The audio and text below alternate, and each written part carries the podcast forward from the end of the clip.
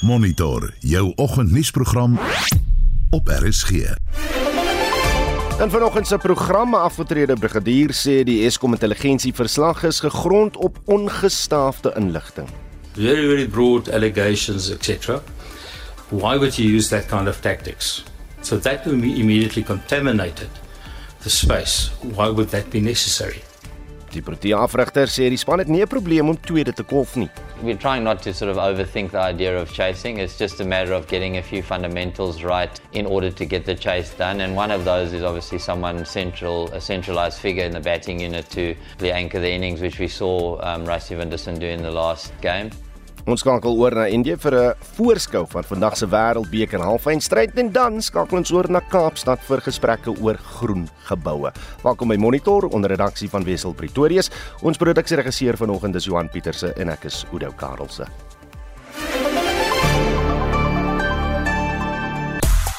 In jou sportnuus by die Cricket Wêreldbeker is die gasheer Indië deur na Sondag se eindstryd en vandag vind ons uit of hulle teen die Proteas of Australië te staan gaan kom. In golfnuus groot drama met Rory McIlroy wat as lid van die PGA bedank en in rugby doen ons 'n voorskou oor 'n Saterdag se Verenigde Rugby Kampioenskapswedstryd tussen die Bulls en Edinburgh.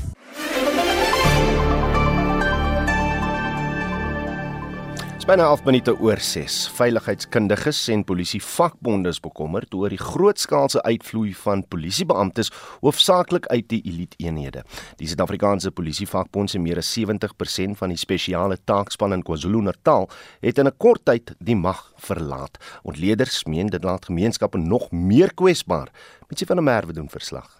SAPO se bestuurder in KwaZulu-Natal, Nurse Mkletsi, het 'n paar redes aangevoer waarom hulle sê polisiebeamptes van hoogs opgeleide eenhede soos die nasionale intervensie eenheid en die taakmag bedank. Dis onder meer swak betaling, 'n onbillike bevorderingsbeleid, wanbestuur en verwaarlosing. Hy sê uit 53 taakspanlede in die provinsie is daar net 15 oor. We are really losing the members, especially in special task force. We were at 53 and now we are at 15 members. And we believe that uh, the management of SEPS knows about it. And up to now, nothing that came into our attention that they are doing about. It is getting worse because if we talk about task force, we talk about the last line defense of SAPS. If now we are sitting at 13 or 15 members, that alone, it tells us definitely that nothing is happening and nothing is being done by the management. Die meeste van die beamptes word gewerf deur die privaat sekuriteitsfirmas wat hulle bedrywighede wil verbeter. Ander word deur taksiebase en sakelei aangestel. Shaheen Suliman van die Magma Investigations and Security firma sê wat voormalige polisielede na die privaat sektor dryf, is beter geleenthede en hoër salarisse. People wanting salary is a huge factor. The cost of living has gone high. We're very passionate in what we do, and I think the people that we recruit are not not people that we just look and say, hey, listen, you're a police member, you come here. So we look for the best, we look for the cream of the crop. And if you're an operator on the field, you talk in my language. I will just not recruit any SAPS members. But if you're an operator in the field, I have a relationship with you. I know you're a positive thinker and I want to work at the end of the day. I want to get as much as I want. If I've got them working on a case, I want the case solved. Whether it takes me three or four days without sleep, I want results at the end of the day. And that's what makes Magma successful because we are results driven. Becky Kelly, die minister van polisie, het verlede week by Popcruise se nasionale kongres in Durban erken dat beamptes sy departement verlaat. That's why even special forces are not enough. We're not training enough. Detectives have left the services. And one thing that we have realized, there is a very high degree of moving out of the organization. I signed when they request the early retirement. One time I had to call them, is this house burning? Why are you all leaving? So this 10,000 is not increasing the numbers, it's replacing. So I sat down, I went one by one. One noble from Mahlabatin said, Tell, my daughter was born when I was warrant officer. She's a graduate, I'm a warrant officer. 23 years, your life is stagnant. So that's why there must be progression in Mapoisen. Die nasionale polisie woordvoerder, Atlenda Mate het in reaksie hierop gesê dat die verminderingskoers in die polisie binne nasionale en internasionale norme is. Mate sê daar is geen krisis nie omdat hulle voortdurend beamptes oplei in gespesialiseerde vaardighede om te kan optree waar en wanneer dit nodig is. Die storie is saamgestel deur Mitsi van der Merwe. Ons bly by polisie sake en ten spyte van die begroting van 5,7 miljard rand jaarliks om op bykomende 30000 beamptes teen 2026 te werf, het die Suid-Afrikaanse polisie diens die afgelope dekade 90% van sy polisie reserviste gesny. Die minister van polisie Bekkie Cele het op 'n vraag in die parlement gesê dat die reserviste van net meer as 52000 in 2012 verminder is tot 3.500 van jaar. Ons praat nou hieroor met die onafhanklike misdaadontleder Dr. Johan Burger. Johan, goeiemôre. Goeiemôre Oude. Net net voor ons by die reserviste uitkom, jy het na die vorige bydrae geluister. Hoe bekommerd is jy oor die grootskaalse uitvloei van polisiebeamptes hoofsaaklik uit hierdie elite eenhede? Nou, ek ek dink ek is uiters bekommerd oor wat aan die gebeur is. Jy weet as jy kyk na die spesiale taakmag waarna nou verwys is, ehm um, hierdie is hoogs opgeleide mense. Dit is mense wat ontplooi word uh in situasies, hoë risiko uh, situasies, so byvoorbeeld uh die kontant en transitoerowe. Ehm um, met uh, uh, uh, hierdie rowers, die kontant en transitoerowers veral is uiters gevaarlike mense. Hulle is uh, uiters bedrewe met die hantering van aanvalsgebeure uh, en so meer en hulle is glad nie uh, uh, bekommerd oor oor skietgevegte selfs met die met die polisie nie en dit is in sulke situasies en ek meen kontant en transito 'n uh, uh, rowe het met iets soos 100% die afgelope paar jaar toegeneem. Jy het mense soos die spesiale taakmag nodig en dis maar net een voorbeeld van waar hulle uh, gebruik word. So ja, dit is 'n uh, dit is 'n uiters kommerwekkende situasie wat nou ontwikkel. Wat wat is die rede daarvoor? Is dit net te duur of of of steek iets anders agter die beleid? Ehm um, weet jy as as jy as jy praat nou van die van die spesiale hmm. taakmag hmm. dan uh dan dink ek daar's daar's verskeie redes en selfde baie van hierdie uh, uh redes geld ook byvoorbeeld die uittog wat ons uh, by die speurders sien. En ehm uh, dit het te doen met met die druk waaronder hierdie hierdie mense leef. Ehm um, jy weet daar's verskillende forme van druk, maar albei ervaar geweldige druk. Die speurders byvoorbeeld, jy weet die die die uh, lading wat hulle dra. Soos ons misdaad toeneem, beteken dit die aantal dosiere wat elke speurder moet uh, moet dra neem toe.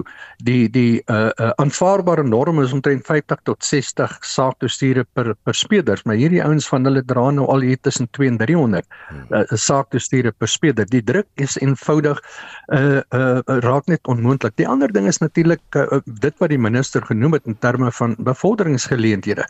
Ehm um, in kleiner groepe in die polisie, soos byvoorbeeld die spesiale taakmag, soos die speurders, is daar net nie genoeg bevorderingsgeleenthede het. So hierdie mense skuif of aan na ander uh, uh, afdelings in die polisie hmm. waar hulle meer geleenthede gaan kry of hulle gaan na die privaat sektor toe waar hulle baie meer geld gaan verdien en die werksomstandighede gewoonlik ook beter is.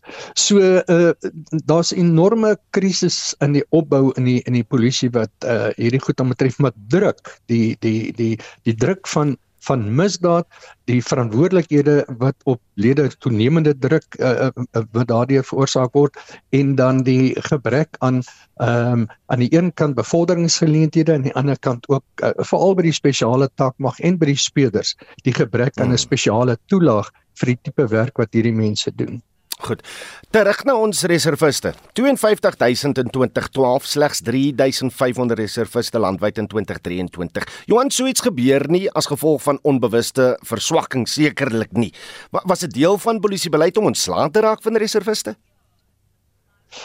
Nee, weet jy, ek ek dink hier's 'n is 'n veelheid van redes. Uh sommige daarvan uh uh dink ek is is was nodig.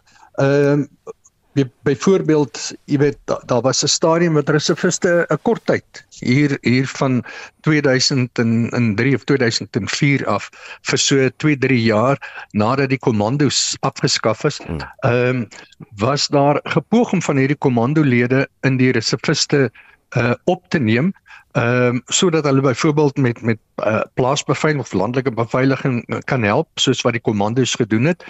Uh en ook ander ander goed wat wat hierdie mense sou doen maar om hulle te lok, die oud kommandolede om by die reserviste aan te sluit, moes hulle betaal word want hulle was betaal terwyl hulle net kommandos was. Hmm. Maar daardie goed het nie gewerk nie. Maar daar's ook ander redes. Ehm um, jy weet vroeër jare het dit was tot die wysiging in 2012 ingetree wat die reserviste betref. Uh tot in daardie stadium het reserviste dieselfde uniform gedra as as uh, gewone polisielede want as reservis aan diens is dit hy of sy dieselfde magte en bevoegdhede as as 'n gewone polisielid. Hmm. En baie van of uh, hierdie mense het ook geleentheid gehad om in in in range te te vorder. So jy weet, dit was niks snaaks om onder hierdie reserviste 'n uh, eh, 'n uh, eh, sersante, adjutant, offisiere en selfs offisiere te kry nie. Al daardie goed het verdwyn toe die nuwe eh, reserviste beleid en die nasionale instruksie uh, in werking getree het. Daar's nog etlike ander redes, maar natuurlik het die uh, betaling wat daar van daardie kort tyd gegeld het, uh ook verdwyn en jy weet daar's baie mense daar buite werklose mense wat nie te vrot uh, is wat hulle kwalifikasies aanbetref nie maar wat uh, die polisie gesien het vir daardie tyd as 'n as 'n as 'n as 'n loopbaan as 'n reservis en dan natuurlik as jy 'n ruk as 'n reservis gedien het en jy voldoen aan al die ander uh uh uh vereistes dan kon jy aansoek doen om permanent uh permanente lid van die van die polisie te te, te word. Maar ek dink wat baie mense vies gemaak het is ehm uh, jy weet die die feit dat uh om 'n reservis nou in terme van die nuwe beleid te word. Ehm um, moet jy 'n uh, 'n duidelik uitkenbare teken dra dat jy nou 'n reservis is.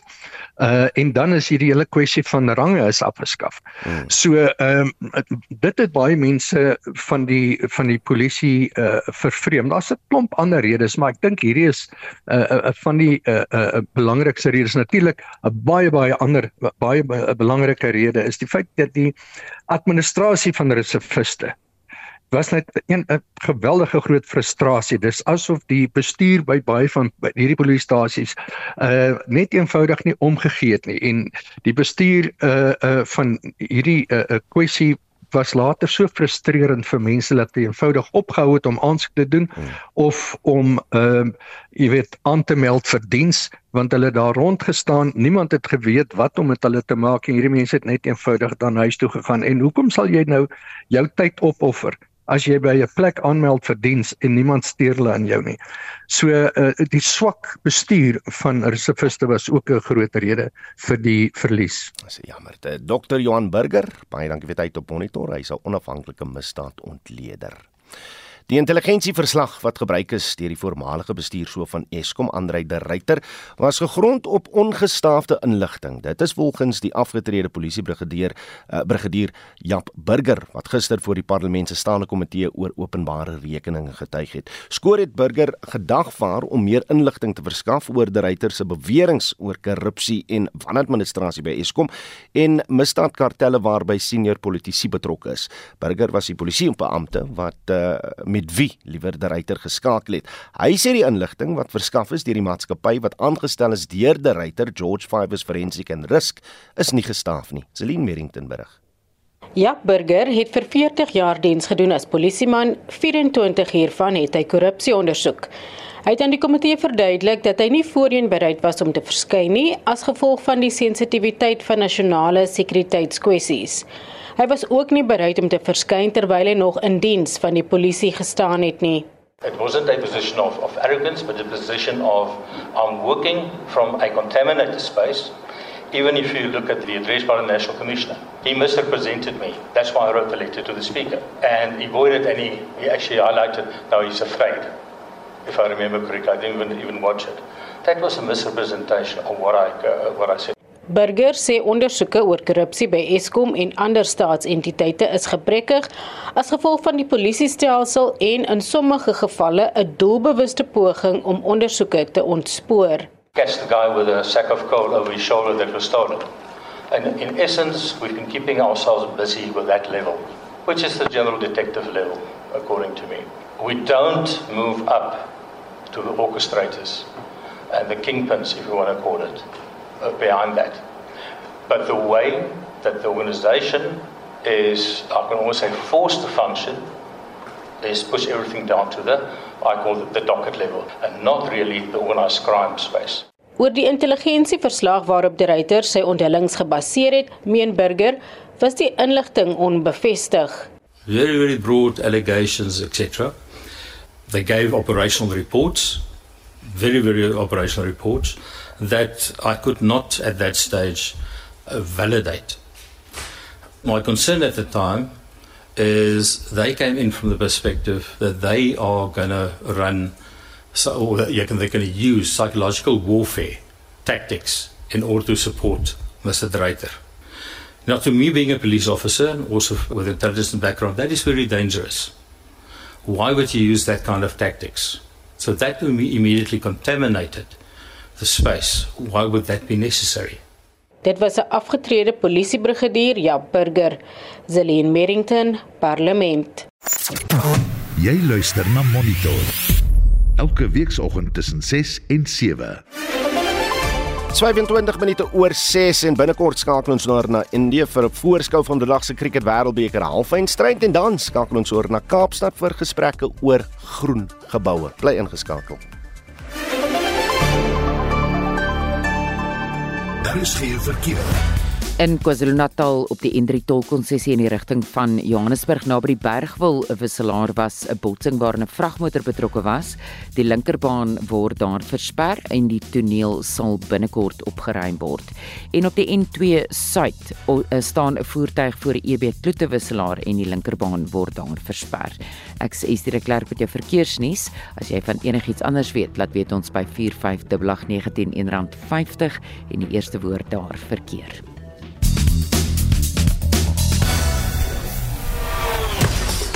Dag Jerry Hendrik sluit nou by ons aan vir die jongste sportnuus. Môre Jody. Goeiemôre Oudo. Ons begin met rugby en die VRK's dit Saterdag Springbok teen Skot, maar ook broer teen broer. Ja, en dit is wanneer die Bulls in Edinburgh gaan krag. Te meet is onderskeidelik ook die broers Akker en Doan van der Merwe se spanne wat teen mekaar gaan speel. Albei al op die hoogste sport bereik in rugby, maar het nog net een keer in die beroepsera kragte gemeet. Akker het in 3 toetse vir die Springbokke gespeel terwyl Doan by die Wêreldbeker in Frankryk onlangs nog vir die Skotse klere te sien was. En dan is daar weer groot drama in golf. Wat gaan daar aan, Jody? Rory McIlroy, voormalige wêreldnommer 1, het as raadslid van die PGA reeks bedank en erken dat hy moeg geraak het vir sy rol in die Amerikaanse beheerliggaam se bitterstryd met die Saudiese gefinansierde LIV Golf wat so baie geld in die sport deesdae pomp. En uh cricketnuus. Vandag is ons groot dag. Gister was Indië se groot dag. Ja, die gasheer is deur na die eindstryd nadat hulle die Swartpette van Nieu-Seeland met 70 lopies geklop het. Nou Virat Kohli het 'n wêreldrekord 50ste eendag 100-tal aangeteken en uh, hy het uh, Sachin Tendulkar se rekord van 49 100-talle verbeter. So die gasheer, hulle is verseker van 'n plek en uh, Sondag se eindstryd en dan natuurlik die groot vraag Oudo is teen wie gaan dit staan kom die Proteas of die Aussies. Want ons bly by die toernooi die mans Proteas span kom binne enkele ure teen Australië te staan in die halfeindstryd van vanjaar se Cricket Wêreldbeker. In uitklopwedstryde by die toernooi het Australië twee keer al met die Proteas afgereken en by albei geleenthede aangegaan om die Wêreldbeker trofee omhoog te hou. Maar daar is soveel kwessies voor ons vandag enige cricket sien waaroor ons duidelikheid moet skep en daarvoor gesels ons nou met die met Tinus van Staden rapport sportredakteur wat in Kolkata is vir vandag se wedstryd. Tinus, goeiemôre. Goeiemôre Oude, goeiemôre Jerry. Het jy al kop op by die venster uitgesteek om te sien wat die weer doen?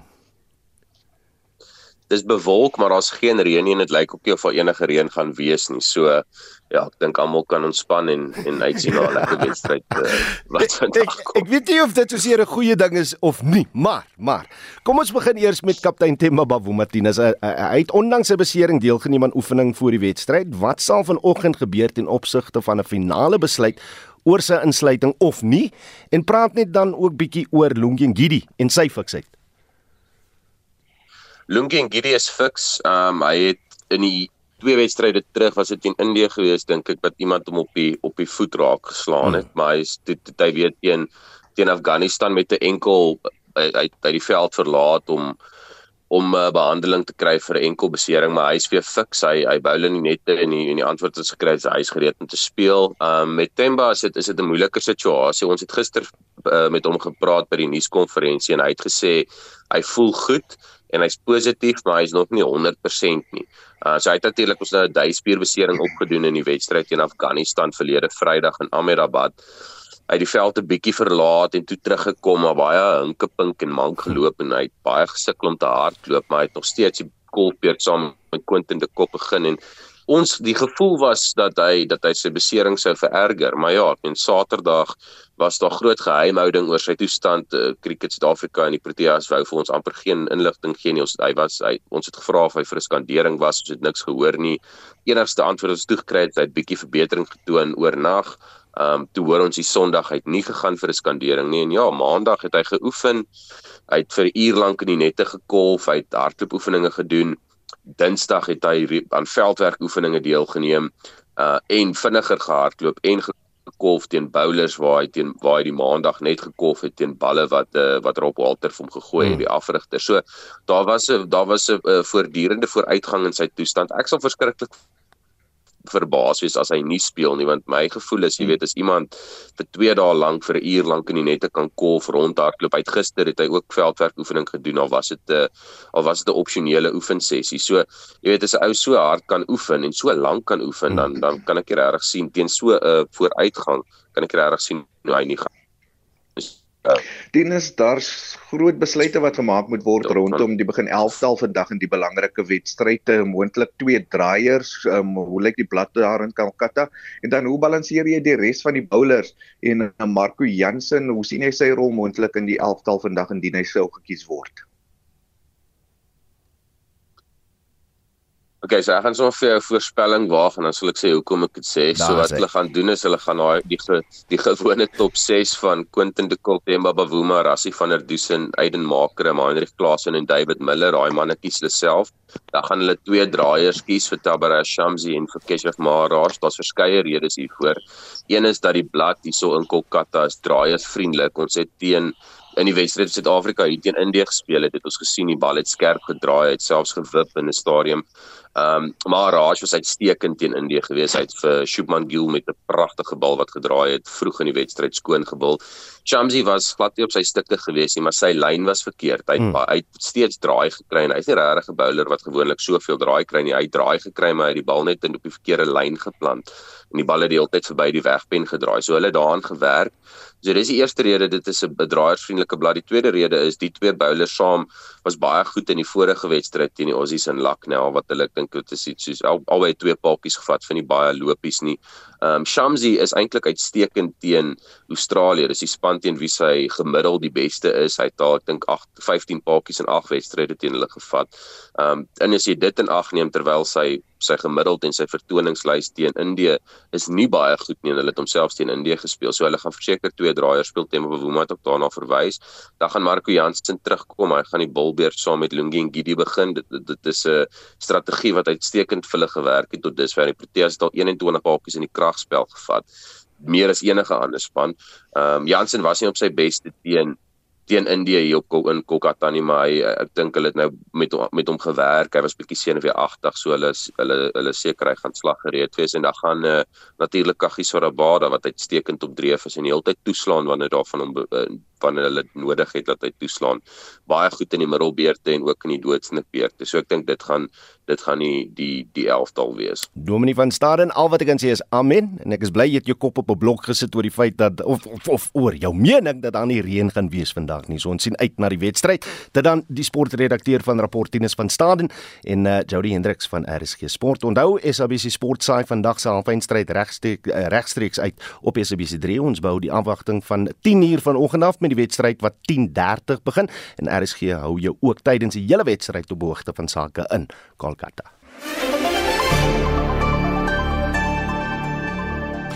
Die Raad van Groen Gebou in Suid-Afrika hou vanjaar sy 16de jaarlikse konferensie in Kaapstad. Ons skakel nou oor na die span daar, Susan Paxton, Andane Eckart en Marlene Forsie wat die konferensie bywoon. Môre Goeiemôre Udo, hoe gaan dit in uh, Gauteng? Lekker. Ons is opgewonde oor uh, die cricket wat vanoggend voor lê. Uh, ek hoop vir reën, maar maar ek weet nie nou sê Tinus van staan en vir my ons gaan wel weer 'n uh, wedstryd hê vandag. Maar hoe lyk dit nou by julle? Op? Hy het sy kop op 'n blok gesit so ek as iemand dit doen vermoed ek is hy het hy die weerdiens dop so maar sien. Hier by ons is die weer natuurlik absoluut fantasties en uh ons praat hier so groen geboue, groen sake, klimaatsverandering, sake lyk like baie sleg daar buite. Um watersekerheid is een van die hooftemas van die Raad van Groen Geboue se 16de konferensie by Century City in Kaapstad. Die jongste statistiek toon aan dat een uit elke twee mense wêreldwyd nie toegang het tot sanitasiedienste nie en dat sowat 4 miljard mense op internasionale vlak raak geraak word deur waterskaarses, is skaarses eerder. Die internasionale raad vir groen geboue is besig met die voorbereiding van voorleggings vir die beskerming van waterbronne aan COP28. Dit is later die jaar en vir meer hieroor eh, praat ons nou met 'n verteenwoordiger van die Wêreldraad vir groen geboue in die FSA, Dominika Atzerwinska. Good morning. Good morning. Thanks for having me. You're going to be nice and close to that mic. Um, this year, there's a lot of emphasis on water security um, in the construction sector. Why is that? I think we're starting to see the global effects of the water crisis, and especially exacerbated by the by climate change. And so it, it's kind of hard to to continue to to deny. And I think for the built environment, for a long time, we focused on emissions and on carbon, and um, you know we've been able to make a lot of progress. Uh, but it's really time that we start talking more loudly about water.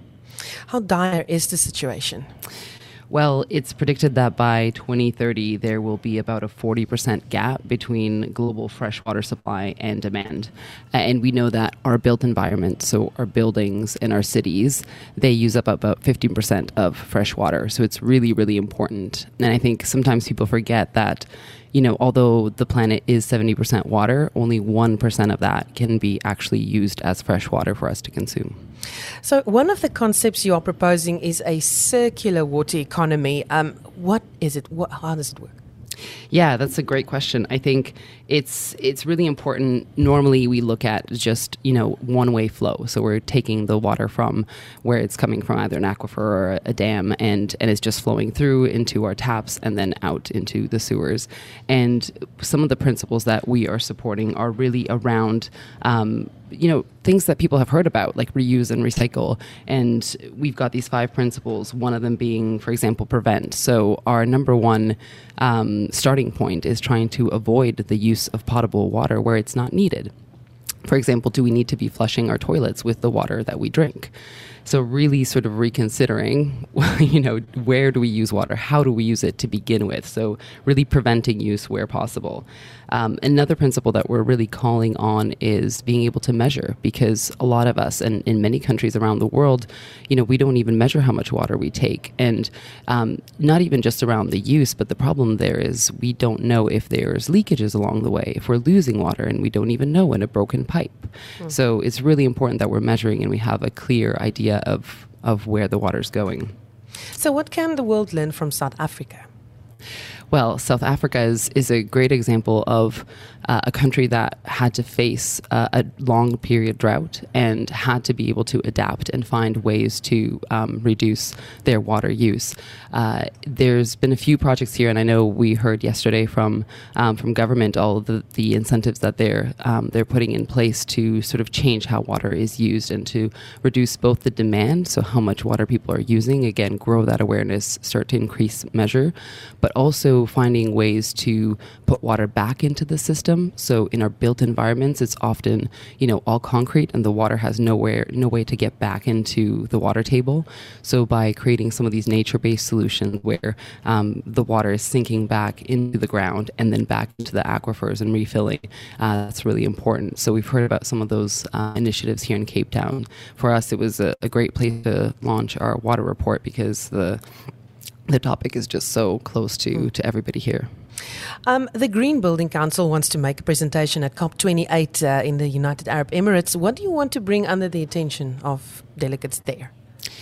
Well, for us, you know, our presence at COP is always about trying to bring attention to the built environment because oftentimes uh, people talk a lot about transportation, they talk a lot about agriculture, and those are important um, contributions to the global emissions that we're trying to bring down. Uh, and the built environment plays such a big role in this. And so we're often there showcasing solutions of different ways that you can build and the savings that you can achieve through the built environment and trying to build a community of, of support. Um, we, we often talk about this ambition loop between government and industry. So, by industry being able to show what's possible, we're building the confidence of government to start to change regulations, change policies, be more ambitious.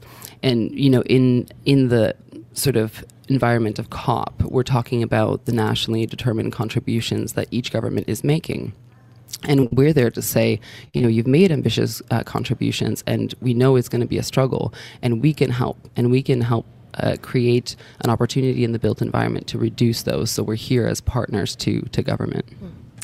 Thank you very much. Baie dankie dat jy hier was. Dit was uh, Dominika Zerwinska van die Wêreldraad vir Groen Geboue. En uh, as jy wil sien wat hier gebeur, dan kan jy gerus gaan loer op my uh, Facebook bladsy, Susan Paxton Spectrum, en dan uh, gaan kyk jy na wat presies uh, ons hierso doen. Jy kan die onderhoude weer gaan luister en weer volg. En ons gaan aan na die volgende weet of na volgende spreker toe. Intussen poog die Raad van Groen Geboue om te uh, verseker dat Suid-Afrikaanse waterbronne beskerm word terwyl dit gebou word en daarna. En vir meer hieroor praat ons nou met die Raad direkteur van die kategorie vir natuur, Mike Elders. Hy is die tegniese hoof van die maatskappy MPA MOT en daar gaan ons mikrofoon. Ehm um, Mike, goeiemôre. Morning, morning, môre. Sê vir my, hoekom is dit vir julle belangrik om seker te maak dat die land se waterbronne beskerm word? Well, I, I, think as we've heard from Dominica, it's one of these areas that's been overlooked for um, a while. While we've focused on energy and focused on emissions, there's, there's definitely been this lack of focus on water in this to the same to the same degree and same level of intensity that we've had. And I think, given the South African context as, as a water scarce country, it's critical that we start to really delve deeper and deeper into engaging communities in ways of actually focusing on water because essentially water is life. Without water, there there's a very very difficult and arduous path to uh, maintain communities. So with, without this focus on water, I think it's going to be more and more challenging. And I think as as well as infrastructure is stretched and stretched to further limits, whether it be dams, whether it be distribution networks, we have this challenge where people and water have to coexist. And there needs to be a respect for water in communities as well. It's not just out of sight out of mind. Once it's passed through a community that water should be again going back to what Dominica said around this the circular water economy that, that water is a valuable life asset that needs to be put back into circulation. If one looks at some of the examples around the world where in, in many countries recycled water from wastewater treatment plant back to drinking water quality is, is the norm. And I think this is a mindset that we don't have in South Africa. Water is seen as a, a disposable product effectively. Once you've hit the flush button, it's gone. Mm. Um gaan water verlore wanneer konstruksiewerk byvoorbeeld gedoen word op uh, kom ons kyk na meentheidskomplekse. I think so yeah. Yeah, de definitely there's um a lot of opportunities to improve water resilience and and bring it together and I think the the, the densification that we're seeing in the urban environment particularly with with more and more developments if one takes for example a, a typical residential stand that used to have a single house on it is now 40 townhouse units. That, that density of development has a number of implications. First of all, it, it needs more water to service, um, service all those apartments. Secondly, what you've done is you've now densified that landscape and you've actually blocked those pathways of getting the water back into the ground. So we, are seeing this as, as, a bigger and bigger challenge, particularly in, in the rapidly urbanizing areas where you, you're finding that the water can't get back into the natural system. That that hydrological cycle is, is disconnected, and and the impact that has going forward is that we need more and more infrastructure to deal with these large volumes of water that are flowing off these densified parcels of land. So you have a raindrop that would fall onto a garden take 20 minutes to work its way down to the watercourse. Now all of a sudden it falls into a gutter, hits a pipe, and it's down to the river in two minutes. And this creates huge flood risk downstream and puts a lot of pressure on infrastructure. And that's infrastructure spend that could be better spent elsewhere on delivering services to communities, improving water distribution networks, rather than having to manage this, this huge sort of run peak that we're getting. Kan ons dit nou nog herstel? Yeah, absolutely. And uh, this is where the Green Building Council and uh, architects, and in fact, the entire built environment profession has the opportunity to apply a lot of nature based solutions. I mean, effectively, nature's been doing this for three billion years. If you look at the, the, the deltas and, and, these large wetlands, etc., this is exactly what they do is, they filter and buffer these, these flows of water. Um, is die mark gereed vir uh, hierdie? Yeah, absolutely. In, in fact, I think we, are sitting in Century City at the moment, which is a great example. You, will you'll, you'll see the, the, the, little notes in the toilet that says this water may be discolored because it's from a recycled source. Mm-hmm. And that's exactly what we're talking about. Is there's, there's no point in flushing potable water that you would drink when you can recycle this water to a slightly lower standard, but that's still fit for purpose. Yeah. So uh, it's, it's about finding the, the, the, right balance. And I think there's, there's huge opportunity efficiency. And, and Cape Town's proven that if one looks at the, the, the statistics at, at what they achieved in a relatively short period of time when it actually came to the crunch. Baie dankie. Dit was uh, die Raad van Groen Geboue se direkteur vir die natuurkategorie en die tegniese hoof van die maatskappy MPA MOT, Mike Aldus. Baie dankie dat jy was so vroeg. Uh, dankie. ons ons bly by uh, watersake en asook grondsake en klimaatsake en geboue sake.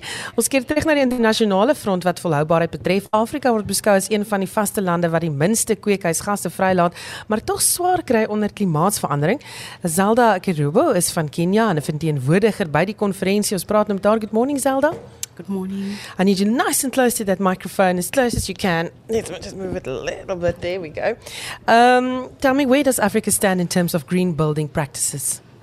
Thank you for having me this morning. Um, Africa is a young continent. We are developing from our building practices at the moment because our and our building demand is still growing. Basically, we are developing in in, in, in all in all aspects, including our building sector. So there's that great opportunity for Africa to actually build green because most of the world has already developed, should we say, with that, the dirty fossil fuels. But then now Africa has the opportunity to be able to build from the ground up and build green. Mm. Now, what are some of the biggest challenges that need to be overcome to encourage sustainable practices on the continent? Some of the challenges for green building and sustainable building within the African continent will be number one, I'll say a level of awareness. We are very quick, unfortunately, to adapt, let's say, the developed world practices, forgetting our rich knowledge or our rich indigenous knowledge simply because we can see what others are doing. But then it's an opportunity for us to look into ourselves again and see what has what how our ancestors or previous generations were able to develop sustainably using the local available materials as well as being able to adapt to the climate of that particular area. Because it's not wise for us to just take in the building structures or the building examples that we see from other developed countries and adapting it to our African context, which in various ways is very different depending on the materials that we have, depending on the resources we have, and also just the general climatic conditions that we have, and also now adapting to the changing climate. Mm. How should one mm-hmm. and can the construction sector play a role? In protecting water sources? Mm-hmm. Uh, the construction sector, as we know, is a great um, it, it, consumes so much water. So there's that great demand in terms of our, our construct in our buildings and our construction, be it in the actual building up or also in just the general daily operational um, operational of the building. I think as our fellow speakers have, have actually mentioned before, the running of our buildings on a daily day-to-day basis has that great demand for water. So the construction sector has that op- awesome opportunity to be able to um, create an impact in terms of how we can make sure that our water is efficient and also how to promote the circularity within our water. Because we understand as well with the changing climate the changing environment water is getting scarce and scarce. So it is important for the water for the construction industry and the building industry to be able to utilize its water efficient as well as identify the different ways in which we are able now to reduce that demand of water not only in the operation day to day but also from the ground up. Uh, what is your mm-hmm. message for change? Uh, our message for change will be like that everyone has an opportunity to play in this sector, be it from the actual property developers to us as the tenants or the users of our buildings, to the suppliers of the building and construction materials, and it, as young as from the school children, how we are able to teach them from their school setup, from the home setup, and all the way as we grow up, just the different ways in which we are able to utilize our water efficiently. And this can be basic, simple examples, I think, as we have seen here at the Century City Hotel, that our water, that the same water that we are uh, using to drink is not the same that is actually used, for example, to flush the toilets. Are we're actually able to reuse this and recycle uh, it back into the system so that we again reduce that energy, the, the water demand for our day-to-day living. Mm-hmm. Thank you very much for being here. This early, dit was Zelda Kerubo van Kenia sy verteenwoordig die Afrika vasteland by die internasionale raad van groen geboue. Nou ons is in Century City, ons gesels allerhande klimaatsgoeders en dit gaan oor die konstruksiesektor Suid-Afrika se stortingsterreine is uh, tot oorlopends toe vol. Ehm um, terwyl Suid-Afrikaners met die hande in die hare sit oor wat om met hulle afval te doen, is daar ondernemings wat sake geleenthede dan raak sien. Een van hierdie maatskappye is Waste Plan en vir meer uh, praat ons nou met Joanne Brunet, sy is die nasionale verkoopsbestuurder. Goeiemôre Joanne. Goeiemôre Susan. Hallo, gisterand het ons 'n bietjie gesels oor uh, wat gaan aan met ons stortingsterreine. Hoe vol is Suid-Afrika se stortingsterreine? Weet jy, dis amper 'n krisis uh, geval want die stortingsterreine is verskriklik vol. En um, dit is iets wat mense regtig met 'n gedagte hou. Jy weet baie mense dink nie aan wat met hulle uh, vullis gebeur nie, maar dit is regtig iets wat op gewone um, uh, jy weet elke elke man moet daaraan dink wat uh, eintlik met hulle vullis gebeur. Mm. En sê vir my bestaan daar wanpersepsies oor afval? Ja, definitief. Jy weet, uh party mense verstaan nie dat daar 'n uh, werklike manier is om goed te herwin nie. Um en dat uh jy weet uh, daar verskillende maniere is om verskillende uh, uh produkte wat uh, wat mense as vullis sien kan weer gebruik. So daar is wanpersepsies en dan natuurlik is daar ook die wanpersepsie ehm um, dat jy weet alles weer herwinbaar is waar daar wel uh verskillende materiale is wat nie herwinbaar is nie. Hmm. So dis mense moet dink oor wat hulle koop en wat hulle dan daarmee gaan doen. Gaan hulle dit kan weggooi, gaan hulle dit herwin? Presies, jy weet baie mense dink aan die die ehm um, drie uh verskillende dinge soos reduce, reuse, recycle. Maar daar's eintlik baie meer as net daai 3. So een van die belangrike goed is refuse. So dink voordat jy ietsie koop. Jy weet, uh, het jy dit regtig nodig? Jy weet, um byvoorbeeld goed soos klerasie. Daar word ongelooflik baie water en rou materiale gebruik om um mode items te maak. En dis belangrik dat 'n mens dink het jy regtig hierdie nodig? Um is daar 'n manier om om dit te vermy om dit te koop? So dit is dit is een van die goeie en dan ook to repurpose. Wat kan jy met hierdie wat jy nou reeds het Wat kan jy daarmee doen? Kan jy iets anders daarmee maak? Um 'n simpel voorbeeld is miskien 'n koffieblik wat jy gebruik om 'n plantjie in te plant. This repurpose. So dit daar's verskillende maniere om om um daaroor te dink. Kom ons praat oor die klerasie gedeelte. Hoe herwinbaar is klere en materiaal byvoorbeeld? Ehm um, dit is nie baie herwinbaar nie. Jy weet so uh mense dink altyd iemand anders gaan dit dra. So veral in Suid-Afrika ja, daar is uh minder bevoorregte mense wat miskien jou klerasie gaan dra, maar ehm um, dit is nie altyd herwinbaar nie. So daar daar word daar word meer rou materiale en water en krag gebruik om dit te maak is wat ehm um, dit eintlik herwinbaar is. Kom ons praat gou oor julle konsep. Wat doen julle? Hoe het julle die geleef? Watse geleentheid het julle gesien om herwinning, jy weet, makliker te maak vir mense en om seker te maak dat ons uh jy weet vullis hope en en afvalsterreine weet nie so vol is nie. Ja, so ons maatskappy uh, kyk daarna om um op besighede se persele um materiaal te herwin. So wat ons doen, ons sorteer um mense se se uh, vullis en ons neem alles wat herwinbaar is uit die vullis uit om seker te maak dat dit wat na ons stortingsterreine toe gaan um absoluut die minste moontlik is. So dit is wat ons doen en um die manier wat ons dit doen is ons neem uh minder bevoorregte mense of voorheen um uh benadeelde mense. Benadeelde, dis reg, dis daai woord. Benadeelde mense en ons neem hulle en ons lei hulle op om te sorteer um, en en daardeur gee ons hulle waardigheid en ons skep um, werk daardeur so dit wat wat voorheen as rommel beskou word of as um, niks werd beskou word gee ons waarde um, want dit kan weer verkoop word en daardie um, geldjie wat gemaak word deur om dit te verkoop gaan dan weer terug na die maatskappy toe en um, soos ek sê daardeur word werk geskep So die wat sê maar ag ek het nie tyd nie of ek het nie lus nie en ag dis harde werk want ek moet nou ook ook ses dromme op my erf hê waar ek ja. glas en dan papier en so moet insit. Daar is nou nie meer verskoning nie. Ja, daar's regtig nie verskoning nie. Jy weet en ek dink mense raak al hoe meer bewus. Ehm um, mense sien ook op op ehm um, vlakke waar kinders nou al begin leer. Hulle kom by die huis en sê vir hulle ouers nee, moenie dit weggooi nie. Dit kan herwin word. So ek dink dit is net om mense um denkwyse te verander en te dink oor wat jy doen en regtig um te besef dat daai uh herwinbare materiaal wat jy uithaal gee vir iemand werk.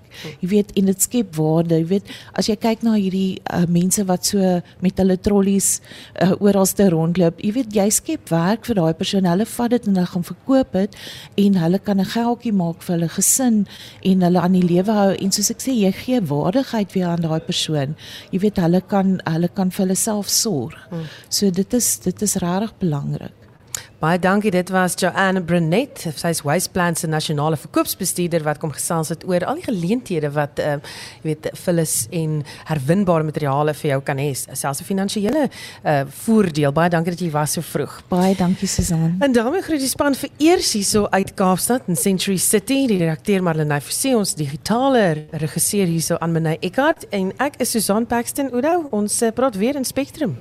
Susan baie dankie net vir ons loop. Inwoners van Galisiwe en Kimberley is ongelukkig oor die haglike toestand van begrafplaase in die stad. Inwoners sê die hoë en digte plantegroei tussen grafte maak dit moe, uh, moontlik vir misdadigers om weg te kruip. Volgens hulle is daar gereeld voorvalle van be waar besoekers aan begrafplaase van hulle besittings beroof word. Esther Klerk het meer. Inwoners vra die Sonplaatjie munisipaliteit om begrafplaase netjies te hou. I'm not happy that the cemetery is very dirty. We used to clean the cemeteries when we worked for the municipality before. When you visit other cemeteries, you will find that they are clean and the roads are also clean. It is not safe when you come to pray alone. You have to bring someone along with you. Ah, Every time I come to the graveyard, I have to clean and it's not safe. There's always suspicious characters around the cemetery, but I can't just leave my mother's grave dirty. Even if you look around, you'll see that most of the graves are dirty. Lorato Nkamashi besit 'n private sakeonderneming wat help om begrafplaase skoon te maak. Sy sê misdadigers kruip agter hoë gras en bome weg om mense te teiken wat hulle geliefdes se grafte besoek. They can't come in the afternoon because I've had one client who came around 4 to come to their graveyard and he, she was robbed. The car was broke into. They took their cell phones and everything. They almost took the car because they were only ladies. Die woordvoerder van die Sonplaatjie munisipaliteit, Tabo Motibi, sê hy het beperkte hulpbronne vir die instandhouding en skoonmaak van begrafplaase. As the Solplagi municipality, we've embarked on a massive cleanup campaign. You'll know that from the 11 cemeteries that we have, five are completely, completely clean, and then we work is ongoing on the remaining six. So this is your summer rainfall area. There will be the question of weed or overgrown grass that is knee high, but we we're managing. We've really done a great job on the five, and uh, work is ongoing, as I said, uh, with the remaining six. And we're happy that uh, the team that's undertaking the work has really made serious strides in that regard. Tabo Motibi is die woordvoerder van die Sonplaatjie munisipaliteit. Die verslag is saamgestel deur Ompemetsi Balatseng in Kimberley. Ek is Estie de Klerk vir SAK nuus. Ek sien julle later vanoggend op SABC3 vir die Cricket Wêreldbeker halfeindstryd tussen Suid-Afrika en Australië.